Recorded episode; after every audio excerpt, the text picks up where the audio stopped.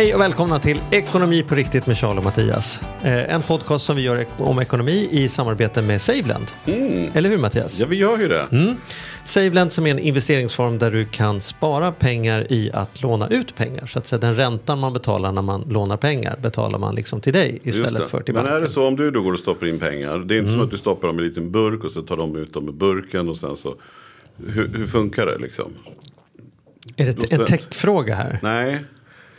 Ja, jag bara tänker på, för man går till banken och så går man och Mm. lägger pengar. Då gick man ju förr med bankboken och så gav man banken pengar, fysiska Ja, pengar. ja. Mm. Sen lånar ju banken ut de pengarna till andra. Så fick jag så här 1% ränta och så lånade de ut den för 7% ränta och så levde de på de 6% däremellan banken. Och hur, är det- här är lite samma sak fast vi har tagit bort banken. Ja, så kan man ju säga. Ja, för de lånar ju Precis. ut de här pengarna i sin tur, eller hur? Ja, fast jag väljer, här har jag ju en åsikt också om vem som lånar ut till. Alltså så här, jag väljer ju vad jag lånar ut till. Jag sätter in på banken har jag ingen aning. Plus att banken lånar ut samma pengar flera gånger. Fractional banking. Men det är ett annat avsnitt tänker Ja, just jag. det. Men man kan också gå in och titta då på savelend.se. Sparland. Ja. Det är inte Nej, sparlån. sparlån, det är inte ett sparland. Nej, det är inte Det som Disneyland. Så- ja. Ja. Savelend.se. Mm. Så ett stort tack till Saveland. ja, tack så mycket. Och har ni frågor kring Saveland och Savelands verksamhet Mm. så går det jättebra att skicka dem till oss. Charlie och Mattias gmail.com. Du, nu måste vi adressera det faktumet att din frisyr är som Johannes Brost i Jönssonligan. Du har en sån här eh, eh, eh, riktig eh, evil henchman-frisyr. Som Ja, att jag du har- skulle bära kniv och skinnjacka och vara med i en Beck-film. det? Ser så otäck ut? Nej, du, inte du ser inte otäck men din frilla är så här eh, Beck, Beck-films skurkfrilla.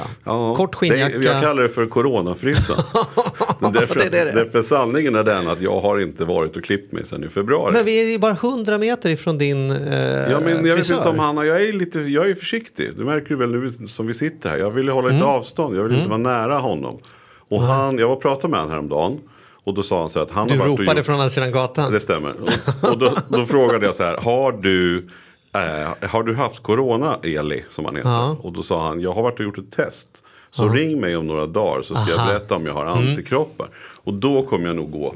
Samtidigt så säger min fru, alltså nu är ju så här att håret är ju så här onödigt långt tillbaka. Jag vill inte se ut som en sån här stekslick frisyr. Ja, men du ser inte men- stek men- ut. Du ja. ser mer kriminell ut. Okej, Ja. men det, det, det som är, säger hon då, eh, att nej, det är inte alla som har så mycket hår som jag har. Nej. När man är i min ålder. Då, då tycker hon så här, fan du har ju hår. Du kanske för en gångs skull bara ska låta göra någon cool frissa av det här. En man bun.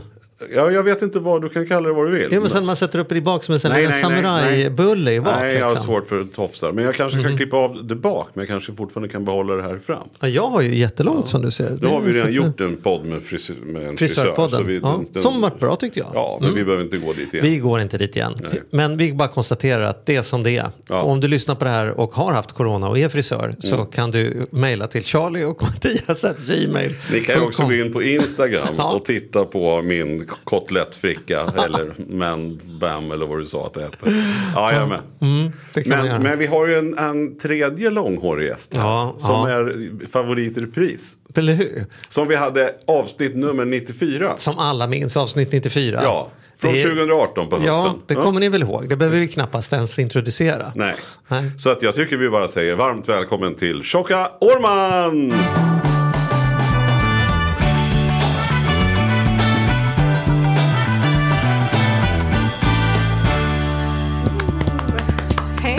Tjocka, hur är läget? Det är bra. Hur är det med håret? Håret är långhårigt här med och blev eh, toppad av eh, min man hemma igår. Det är inte dåligt. Ja, du ser, han, du kände också att det var, du är också coronafrissa. ja, coronafrissan börjar ju hinna ikapp oss alla här efter ett halvår. Men det, det ser ju väldigt fint ut så att din man måste vara en talangfull eh, på klippa. Absolut. Jag hade, hade du sagt att du kom direkt från salongen hade jag köpt det direkt. Underbart. Ja. Ska hälsa. Men vad, har, gjorde du det fint för att du skulle till oss och podda eller var det för något annat? Eller? Jag skulle på pressfotograferingen när jag kom hit så att, eh, då kände jag att det där lilla rufset där nere behöver komma bort. Men varför skulle du på press? Du måste ju berätta. Det är som att vi är på ska väg vi inte, mot Ska vi inte liksom alltså. berätta hemligheten?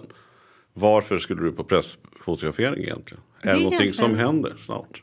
Ja, det som händer snart är ju egentligen att jag har jobbat eh, inom eh, finansbranschen i många år mm. eh, och senaste året egentligen på pensionsbolaget SPP var på eh, jag har fortsatt med det jag har gjort tidigare, folkbildning och mycket det här som vi gör och ni gör. Mm. Och kommer så småningom nu här få axla den här rollen som eh, deras privatekonom och sparekonom. Mm. Wow, mm. vad kul, grattis! Ja, tack! Coolt. Känner du dig komfortabel med det jobbet? Är det som att du Vaknar du upp på nätterna kallsvettig och tänker herregud hur ska detta gå eller känner du bara äntligen, äntligen, äntligen? Nej men jag känner äntligen. Eh, jag har ju gjort det här i några år eh, själv. Mm. Så att, att få ett större bolag och att få göra det med de värderingar och liksom det tänk och hållbarhetstänk som främst de har känns ju otroligt kul och det är liksom framåt och det är framåtblickande.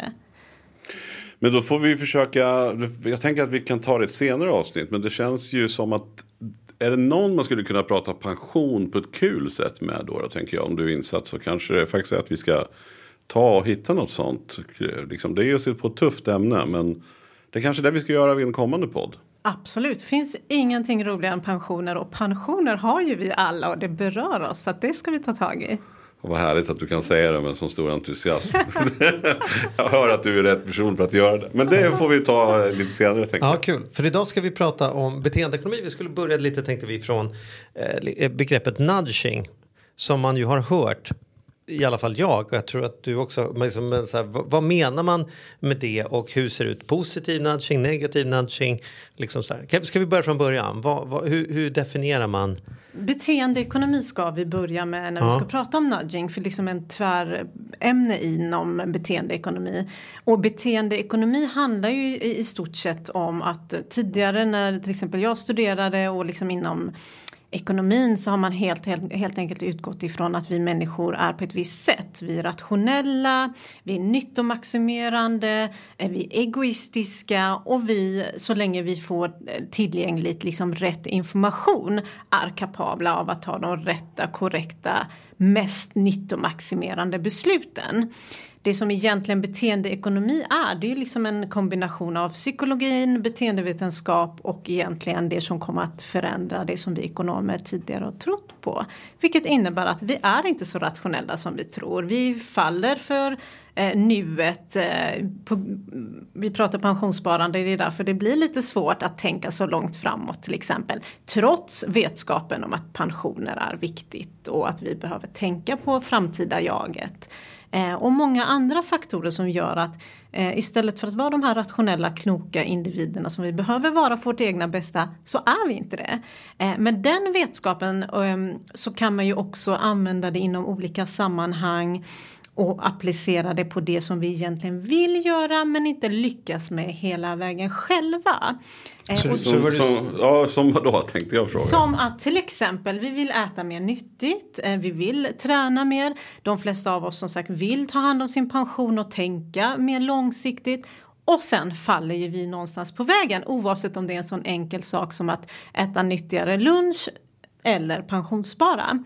Eh, det som nudging eh, använder sig av handlar ju i stora drag om att om vi vet att vi faller för de här sakerna och liksom inom beteendeekonomi, om vi känner till vår irrationalitet, vår eh, brist på självdisciplin och så vidare, kan man applicera då delar av hur man strukturerar vår omgivning, hur man framställer information, hur man designar liksom våra, hur man hjälper till att designa våra beteenden så att vi gör mer av de här kloka, intressanta, intelligenta valen som vi vill som individer. Så kan man säga att nudging är en typ av liksom vardagsmanipulation som vi alla utsätts för hundra gånger om dagen och om det är till gott eller till ont beror lite på vad vi vill uppnå. Men det som gör att man betalar mer för samma vara för att det är det här varumärket. Det är en typ av långsam nudging hjärntvätt som får mig att liksom få för mig att ja, men det är bättre att köpa i den här butiken, den här butiken. Precis som att man kan få människor att börja träna genom att man låter snarare än att bara visa tabeller på hur många kalorier man bränner kanske associera någon kändis som man vill vara mer som. Att, att är det det vi pratar om här? Att man liksom istället för att bara tänka om folk hade informationen så skulle de göra rätt så tänker man att vi kanske måste vara på gott och ont lite lurigare i, i hur vi, hur vi liksom får människor att förändra sitt sätt att tänka. Är det där vi är? Ja men det är ändå lite lurigare för att det är ju ändå de här bristerna i oss och de här tankefällorna och de här biasen som vi har som man använder fast åt andra hållet för som fadern liksom till nudging pratar om nudge for good. Tanken är faktiskt en nudge, en liten puff, en liten knuff åt rätt riktning. Mm. Eh, och mycket handlar ju om egentligen våra sociala preferenser och normer så att det ska ju vara sånt som vi vill vill göra annars funkar liksom inte en nudge. Om jag, det spelar liksom ingen roll, ett bra exempel på nudging väldigt enkelt då är hur man till exempel placerar det vegetariska alternativet högt upp på menyn. Och det är klart att om du inte tror på att det är nyttigt att äta vegetariskt då spelar det ingen roll att man placerar den högst upp på menyn. Då kommer du ändå välja att äta kött om du tror att det är det som är nyttigt. Så det handlar ju också mycket av de här liksom det som vi vill och de där viljan finns hos oss själva. Men grunden i inom nudging och beteendeekonomi handlar ju till stor del om en nudge for good. Eh, sen är det precis som du säger, mycket av de här delarna kan man ju också applicera inom marknadsföring, vilket man har gjort.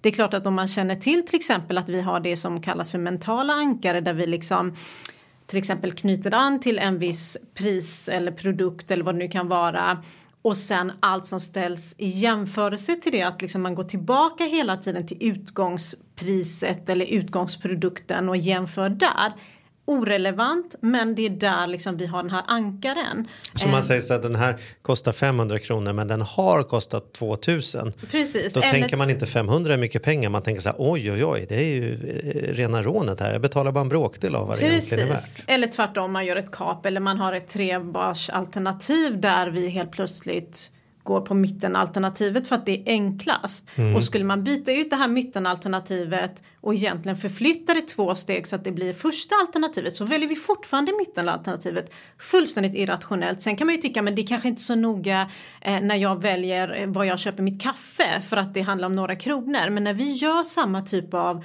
återkommande beteenden, säg till exempel när, väljer, när vi väljer våra fonder.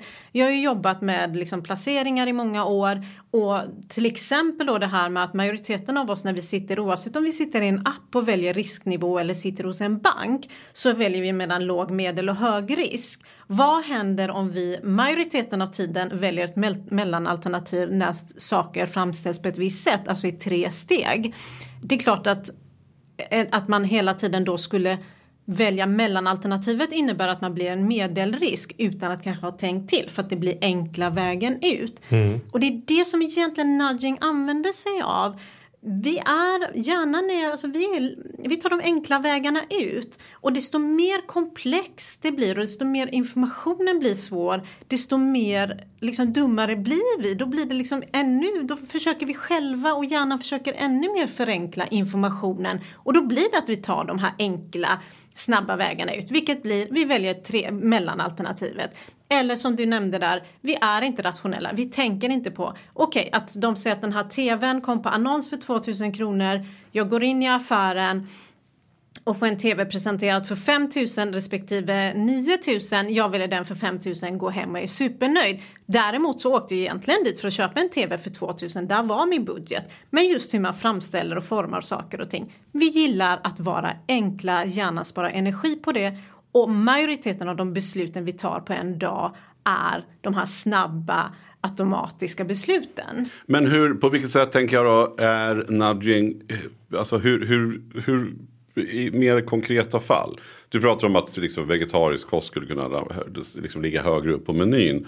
Har du några andra konkreta exempel där företag använder sig av den här, den här, det här sättet? Liksom? Mycket inom nudging blir ju också det här visuella, till exempel markeringen på där du kan välja mellan rulltrappan eller om du tar den vanliga trappan kan man markera enkelt på marken. Man vet att sådana enkla saker i hur man... Nudging handlar ju också om att inte ta bort valalternativ. Det är ju egentligen det som är liksom det häftiga i det. Att man använder våra tillkortakommanden och kännedomen om de faktorerna och utifrån visuella saker eller hur man designar vår omgivning eller hur man framställer information eller utformar till exempel blanketter och liksom Och vilka standard. företag gör det här då? Kan vi ta några liksom? Alltså nudging används inom till exempel Google använder sig om nudging. Jag vet att stora som Obama hade en hel nudging-grupp där man använder sig av detta.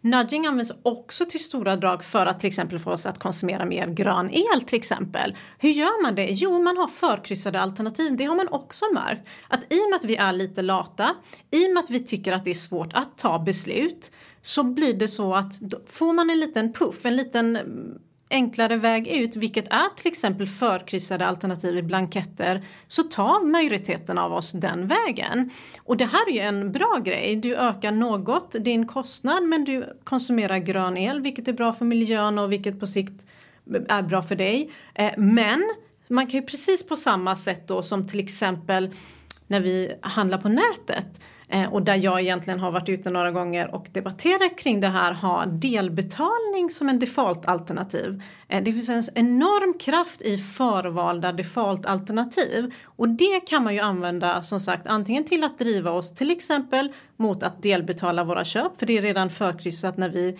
lämnar vår varukorg och liksom ska klicka hem varor eller i det här fallet för att vi ska till exempel välja grön el. Majoriteten kanske inte hade tänkt till men i det här fallet så är det någon annan som har tänkt. Vi gillar också att göra som alla andra. Men alltså vi gillar ju nudging for good. Är ju, det, det är som du säger, det, det borde ju bara vara det det handlar om. Men det måste väl vara väldigt många företagare som använder sig för att lura upp oss på läktaren. Ja, men nudging for bad är ju ett sånt exempel som du säger här. Ja. Att massa massa webbshoppar har haft tjänat pengar på att folk tar saker på avbetalning och därmed liksom presenterat det alternativet. Och det vet jag ju till och med att det har kommit Eh, uppsträckningar från myndighetssidan och sagt så får man inte göra. Man får inte ha ett alternativ som, som framställs i mer lockande dagar. Nej, och det är ju väldigt tydligt och till och med så är det så tydligt som till exempel YouTubers och annat som ja. måste lägga in och tala om att det här är tydligt, tydligt att det här är ett annonssamarbete så man inte ska liksom glida mm. in och tro att mm. kanske inte riktigt samma sak men ändå jo, på men spåret. Ändå lite, men, mm. ja, men då menar jag bara hur, hur ska vi som konsumenter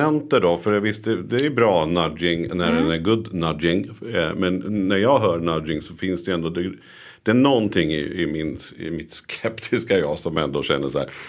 Jag är nog lite lurad här nu. Eller alltså, kan jag bli, hur kan jag bli blåst av samma fenomen?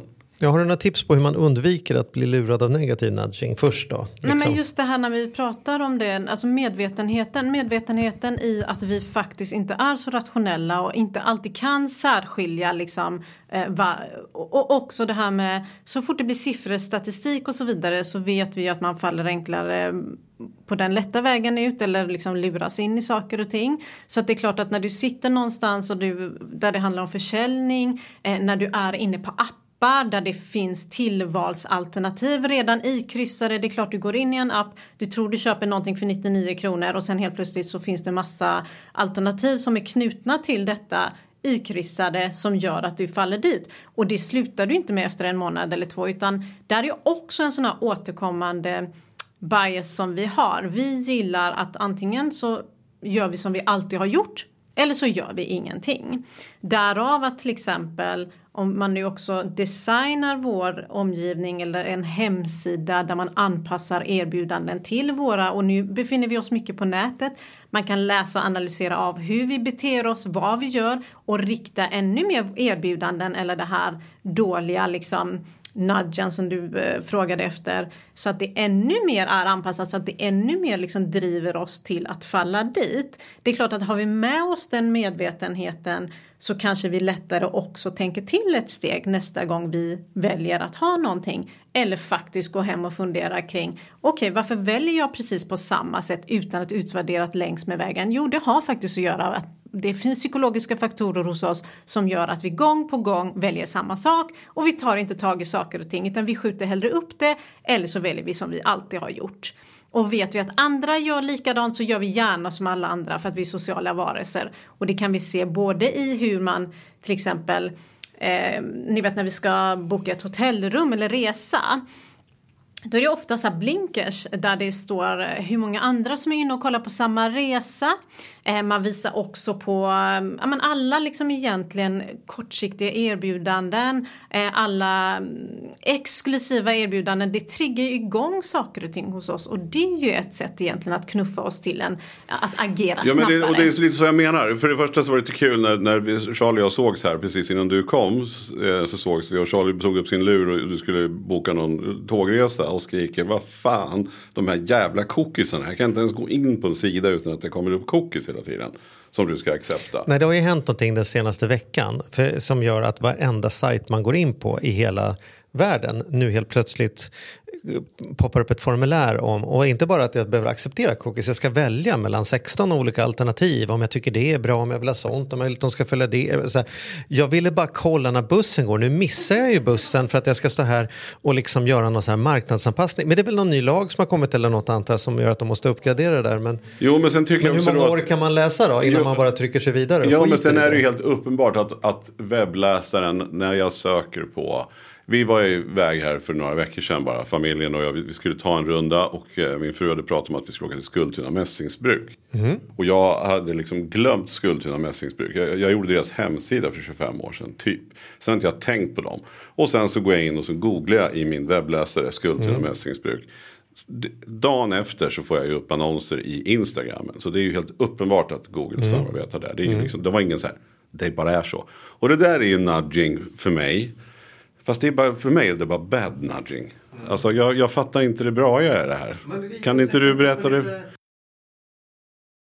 Nej men good nudging. Och, nej, men jag måste bara säga också, det det är precis som du beskriver och det var det jag menade, men vi lämnar liksom en liten fotavtryck och beteendeavtryck som kan användas och det gör man ju i stora drag och det är klart att när jag föreläst om nudging så pratar jag om hur man kan till exempel använda det inom försäljning och hur man kan liksom applicera det då på eh, mot eh, sä- sälj. Eh, och mycket av när vi pratar både liksom börsen och när vi pratar egentligen oss som individer i konsumtion och liksom allt det här och som jag pratar om när det liksom blingar där det står så här notice notice det är tio andra eller det finns bara tre liknande rum kvar av det här alternativet du tittar på. Det är klart det handlar också om förlustaversionen i oss. Vi gillar inte känslan av att förlora någonting och även om vi inte ens har påbörjat det här köpet så finns det ju någonting mentalt där som gör att vi vill inte gå miste om den här chansen. Och vi vill inte att någon annan ska få det om vi inte kan få det själva. Och det är klart att det är ju enormt starkt inom marknadsföring att man använder sig av det här med att trigga igång dem eller FOMO-känslan där vi vill inte gå miste om saker och ting. Men när jag går in på restaurang och så ser jag så här, ska du, vi, eh, så frågar de alltid sen när man ätit så frågar vill ni ha dessert? Då säger man så här, nej det vill jag inte. Ni kan titta på menyn i alla fall. Det, det, är, ju, det är ju liksom bara, för man förstår ju det, det är nudging. Får mig att läsa menyn, då är ju chansen stor att jag kommer beställa någonting. Och hade det då stått så här, hur många joggingrunder varje efterrätt är, då är det klart att då hade det påverkat mitt beslut. Jag tänker så här, det är fan inte värt det. Eller om jag eh, när jag ska köpa ett par nya skor, om det står så här, hade du tagit de här 1200 kronorna och lagt i pensionen så hade du haft råd med ett par skor i veckan när du går i pension. Mer, liksom så här. Men den typen av matematik har vi ju inte. Så hur, hur får man in den nudgingen i sitt liv så Ja. att man kan fatta något typ av rimliga beslut? Nej, men precis, och det är egentligen den typen av matematik vi behöver få i oss med. Det är därför Mm. jag säger att vi kan absolut göra pensionssparandet mer intressant. Vi kan absolut göra sparandet mer intressant. För allting handlar om att räkna lite grann baklänges. Eh, jag hade i min första bok pratade vi om eh, latematik där jag visade på hur mycket, hur många av dina latten här nu eh, i veckan, eh, ett antal månader på ett år och sen säg med en 8% eller 6% avkastning på börsen på fem år är egentligen inte den här drömresan du alltid har pratat om eller handpenningen till en bostadsrätt. Det är klart att vi, du, idag kommer det ju, alltså hela eh, finans och bankvärlden kommer ju ta fram appar och det är redan framtaget sådana faktorer som påverkar och som kommer att stötta oss i detta som ser att du gör en transaktion på ditt transaktionskonto som kommer påpeka exakt de här faktorerna. Man provade också någonting som kallas för Save Tomorrow, alltså pensionssparandet. Man pratade med anställda på ett bolag där man frågade dem hur ställer du dig till ett sparande, pensionssparande idag, inte lika procentuellt många som var intresserade. Helt plötsligt när man började prata om ett pensionssparande på kommande löneökning då helt plötsligt hoppar det fler på. Men det är också för att nuet värderar ju vi så extremt högt. Det är det som ligger oss närmast. Så till och med pengar som komma ska har vi lättare att avstå redan idag. Så man skulle kunna göra en deal och säga så här, Eh, SPP vill att jag vill pensionsspara eh, från och med nu eh, alla mina lönehöjningar. Jag kan leva på det jag har. Det verkar funka för vår familj. Jag vill att du ökar mitt sparande med exakt lika mycket som lönehöjningen blir. Liksom. Bara dra det så slipper jag se det. Nej, I teorin skulle man kunna så, göra ja, en sån precis. grej. I teorin så skulle man ju kunna be sin arbetsgivare eller ja, diskutera med sin ja, arbetsgivare om man vill ha den typen av upplägg. Och det vet man att majoriteten av de som också svarade så valde det alternativet och stannade kvar i det alternativet. Och det är lite egentligen samma det här med att man säger att men låt eh, ha ett månadssparande där kapitalet dras direkt när pengarna mm. kommer in på kontot för då ser inte du kapitalet. Mm. Men mycket handlar ju som sagt också om att räkna baklänges. Okej okay, om jag vill ha de här pengarna, det här beloppet. Hur mycket kostar inte mitt gymkort mig varje mm. månad? Eller vad kostar det inte mig varje träning? Jag tränade en gång, jag betalar 500 kronor i månaden. Eh, jag var och tränade en gång eller max två gånger i månaden. Är det värt 250 kronor eller vad det nu kan mm. vara? Eh, så att mycket handlar ju om att vi själva genom att vi pratar på det här sättet lär oss tänka till ett steg längre. Jag tycker det här är jätteintressant därför att jag hade ett exempel så sent som i helgen. Jag konstaterar nämligen, en av de sakerna som jag är engagerad i det är eh, min egen hälsa. Och det, en av de sakerna jag gör är att jag springer mycket, som den som lyssnat på den vet. Jag springer mycket, jag springer jättemycket, jag springer mycket, jag springer jättemycket. Och sen så från typ midsommar så har det liksom minskat när jag tittar efter i så Runkeeper, det har inte blivit lika många mil. Jag hade något mål på vad jag skulle vara färdig med till Lidingöloppet, det har jag inte blivit. Och då sitter jag där och, och, i stugan i helgen och tänker så här, men gud är det för att jag är för lat? Har jag blivit omotiverad? Handlar det om att jag är redan så nära målet så jag är inte inspirerad längre? Det handlar nästan lite i någon sån här deppig kris kring liksom hur, hur, varför jag inte sköter mig längre. Och så plötsligt kommer jag på det. Jag kommer på vad det är för någonting. Och det är så korkat att jag av alla människor inte kommer på det från början. För det är egentligen min käpphäst nummer ett. Det enda skillnaden från midsommar framåt är att då stod det inte längre i min kalender. För jag hade bokat in hela vägen fram till midsommar. Springa den här, springa här, springa här.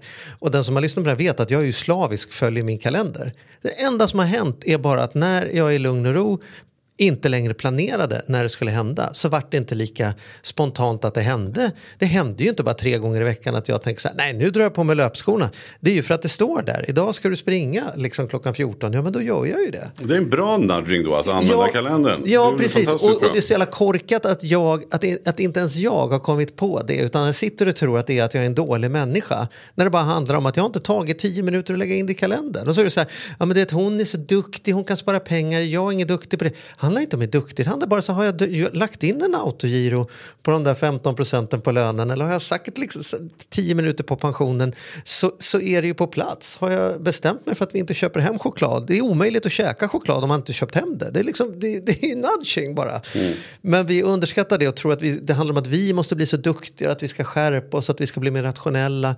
Istället för att bara behandla sig själv lite mer som ett barn och bara göra det Gör det enkelt för dig. Gör matlådor en gång i veckan. Nej, men, och jag, det, det, här är ju precis det jag vill och det är därför jag försöker liksom inte prata i för komplexa termer, inte egentligen lyfta liksom back to basic. Det är det vi behöver prata om. Ekonomi och pengar, det berör oss alla. Om inte vi visste det innan så vet vi det nu under coronakrisen. Och att det liksom, jag upplever att fler och fler har blivit medvetna om hur sårbar ens ekonomi är om man faktiskt inte har liksom tänkt till och planerat. Eh, och mycket handlar ju om, precis det du pratar om, beteenden. Återkommande, gång på gång, små förändringar. Om det är att ha autogiro eller i ditt fall lägga in löpningen i eh, kalendern. Eller om det är faktiskt att bara bortse från att, men för många är det också så här, siffror är ingenting för mig. Det är klart att siffror är någonting för dig. Du får en lön eller någon form av annan inkomst, du har utgifter, du har en pension. Alla som har jobbat eller varit föräldralediga under den tiden tjänar faktiskt in en pension. Din arbetsgivare betala in en avtalspension och så vidare. Och du behöver ingen större komplexitet i saker och ting förutom beteende, vanor, psykologin och egentligen det beslutstagandet och att vi tar så få, vi pratar ju mycket så här på börsen att vi ska begränsa våra förluster. Och låt oss prata till vardags om att vi begränsar våra dåliga irrationella beslut så mycket vi bara möjligen kan. Att vi kommer att eh, falla dit för den här snabba belöningen och shoppa något när vi passerar eh, en butik. Det kommer vi alla göra. Men låt oss minska ner dem så många gånger vi kan. Eh, eller som i det här fallet om du lägger vad vet jag, tre timmar på att sitta och titta på tv eller på någon serie. Ja, men låt mig ta tio minuter och faktiskt sätta mig in i hur pensionssystemet är uppbyggt eller vad jag ska spara i för, till mina barn. Eh, så att det är mycket sådana saker. Sen tror jag att på sikt som du nämnde här får vi en liten push, en liten notice, en liten påminnelse, en liten någonting som plippar upp sen via banken som säger att du hade en budget på mat på si och så mycket. Nu har du 200 kvar innan du går över den gränsen och det stöttar och hjälper en till att man inte sätter sig på en middag med vännerna kanske två helger till utan man vet att nu har jag en helg till kvar så får man ju stöd i detta. Så att det liksom handlar mycket om minsta motståndets lag. Vi är lata och vi har brist på självdisciplin. Och allt runt omkring som underlättar det är bara bra. Men om man ska sammanfatta det då, då kan man säga vad jag tolkar din tes här är istället för att försöka bli bättre acceptera att vi är lite halvdåliga och lägg in ett par sådana här nudging-funktioner i ditt liv eh, och så kommer du få minst mycket eh, lika bra resultat som du får av att gå omkring och tänka att du ska skärpa dig i massa områden. Absolut och jag tar ju precis som du löpningen är ett perfekt exempel. Jag älskar ju löpningen också eh, och det är klart att om jag vet att löpningen kommer inte vara lika rolig varje dag i veckan precis som du säger där att gå upp klockan halv sex varje morgon och springa om jag inte har ställt fram mina skor om jag inte har satt klockan utan hoppas på att jag ska vakna liksom om jag, om jag har massa hinder längs längs med vägen. Det är klart att risken att jag inte kommer ut ökar men om jag har förberett mig, ställt eh, fram mina skor, eh, ställt fram vad det nu är den här halvflaska mm, vattnet jag vill ha med mig eller vad det nu är, likadant med träningskläderna. Det är klart att har jag inte massa motstånd längs med vägen och hinder, det är klart att det ökar chansen till att komma ut. Jag, jag tycker det är intressant och det här hoppas jag att vi kan få se statistik på. Hur många människor var det som hade ett fungerande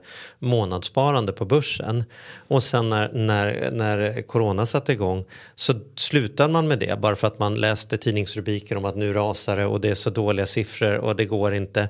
Som alltså slutade handla när det varit rea och sen har det varit värsta racet på börsen sen dess. Absolut. Och man har liksom haft rekordtider. Men många svenska småsparare var ä- återigen ännu en gång inte med på den uppgången därför att man hade stängt av och sen satte man inte på för joggingskorna stod inte fram och tillgängligt och man var upptagen med att titta på presskonferenser med, med Tegnell om hur många som hade dött istället för att förstå att jag förlorar tiotusentals, hundratusentals på pensionsnivån, kanske miljoner på att jag bara slutade med den sparplanen som redan låg och funkade. Liksom. Absolut och det märker jag jättemycket som har både jobbat med sparande innan och nu med pensioner. Det är klart att man vet ju att det kommer att komma samtal. Nu som sagt jobbar ju jag jättemycket med avtalspensioner så att det är bolagen i sig. Men om man tittar på individnivå.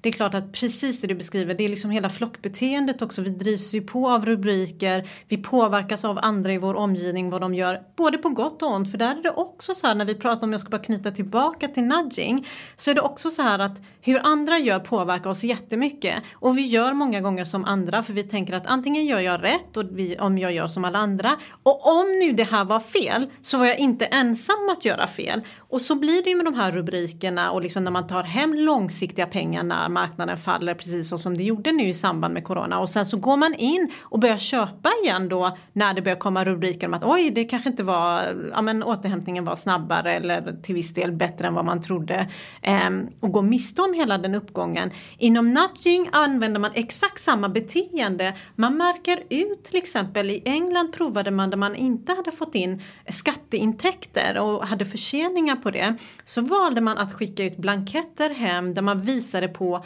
si och så många procent i ditt grannskap har betalat in och då ökade man både, alltså man minskade förseningar men också kapitalet man fick in och då helt plötsligt så handlar det inte om att välja den vegetariska menyn eller att spara 200-300 kronor eller 2-3 kronor eh, hur du väljer någon cornflakes utan då pratar vi enorma summor. Eh, så att återigen det här med våra beteenden, våra bias, våra tillkortakommanden, våra tankevurpar som många kallar det för eh, handlar om att man kan applicera det åt båda hållen helt enkelt. Här, här, tänker jag Mattias på om vi ska sammanfatta detta lite mm. när vi hade den där professorn i ARI här, kommer du ihåg det? Ja, precis. Han sa att fatta bra beslut är ju, är ju en sak och det är svårt att fatta perfekta beslut, det gäller bara att ta bort de sämsta. Men sen sa han det som jag vet att du har citerat honom på, men sen gäller det ju att gjort också. Ja, just det. precis så. Det är många som har fattat beslut om att de ska pensionsspara så eller käka så eller springa så, men sen gör man ju inte det. Nej. Och då spelar det ingen roll hur bra beslut man fattar mm. om man sen inte gjort.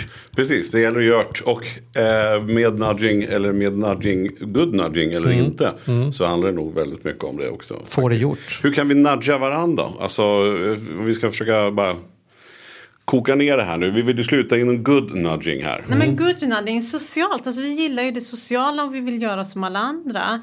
Eh, så att man kan ju till exempel när man sparar eller löpningen eller vad det är, gör man saker och ting i grupp. Man talar om det för andra att man ska göra det och man påpekar att man har gjort det det blir faktiskt en drivkraft som man inte ska underskatta. Perfekt. Mattias, jag har varit och klippt mig den här veckan. Men du sparade morsan, den är väldigt lång. Ja, det gjorde jag. Eller, men jag vill bara berätta du, för dig att... Men har du någon plan med den där långa? Jag har ju suttit och tittat på den nu. Ja, eh, faktum är att det har jag delegerat ut. Jag har skaffat en barberare som han har en plan. Ja. Så att, uh, det, det, det, känns kul. Det händer ja. någonting i, i ansiktet. Då blir jag inspirerad så nu kanske ja. jag ska göra mm. någonting med mm. mitt hår. Mm. Vi får se. Ja, men, eh, Shoka, tack så mycket för att du var här. Ja, tack så vi jättemycket. Vi får chans att återkomma tror jag. Ja, det får vi garanterat. Tack för att och ni lyssnade också. Hörni. Ja, och som en liten nudging. Om du lyssnar i efterhand, då kan du bara sitta kvar så kommer ett avsnitt till alldeles mm. strax. Ja, men så är det Det är bara att hänga på. Ja, och vill man, vill man oss något mm. så får man jättegärna skicka ett mail till charlie och Mattias at gmail.com. Ja. Hej! Hej då!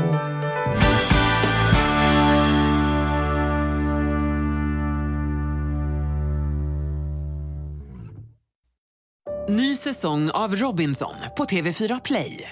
Hetta, storm, hunger. Det har hela tiden varit en kamp. Nu är det blod och tårar. Vad fan händer just nu? Det. detta är inte okej. Okay. Robinson 2024, nu fucking kör vi!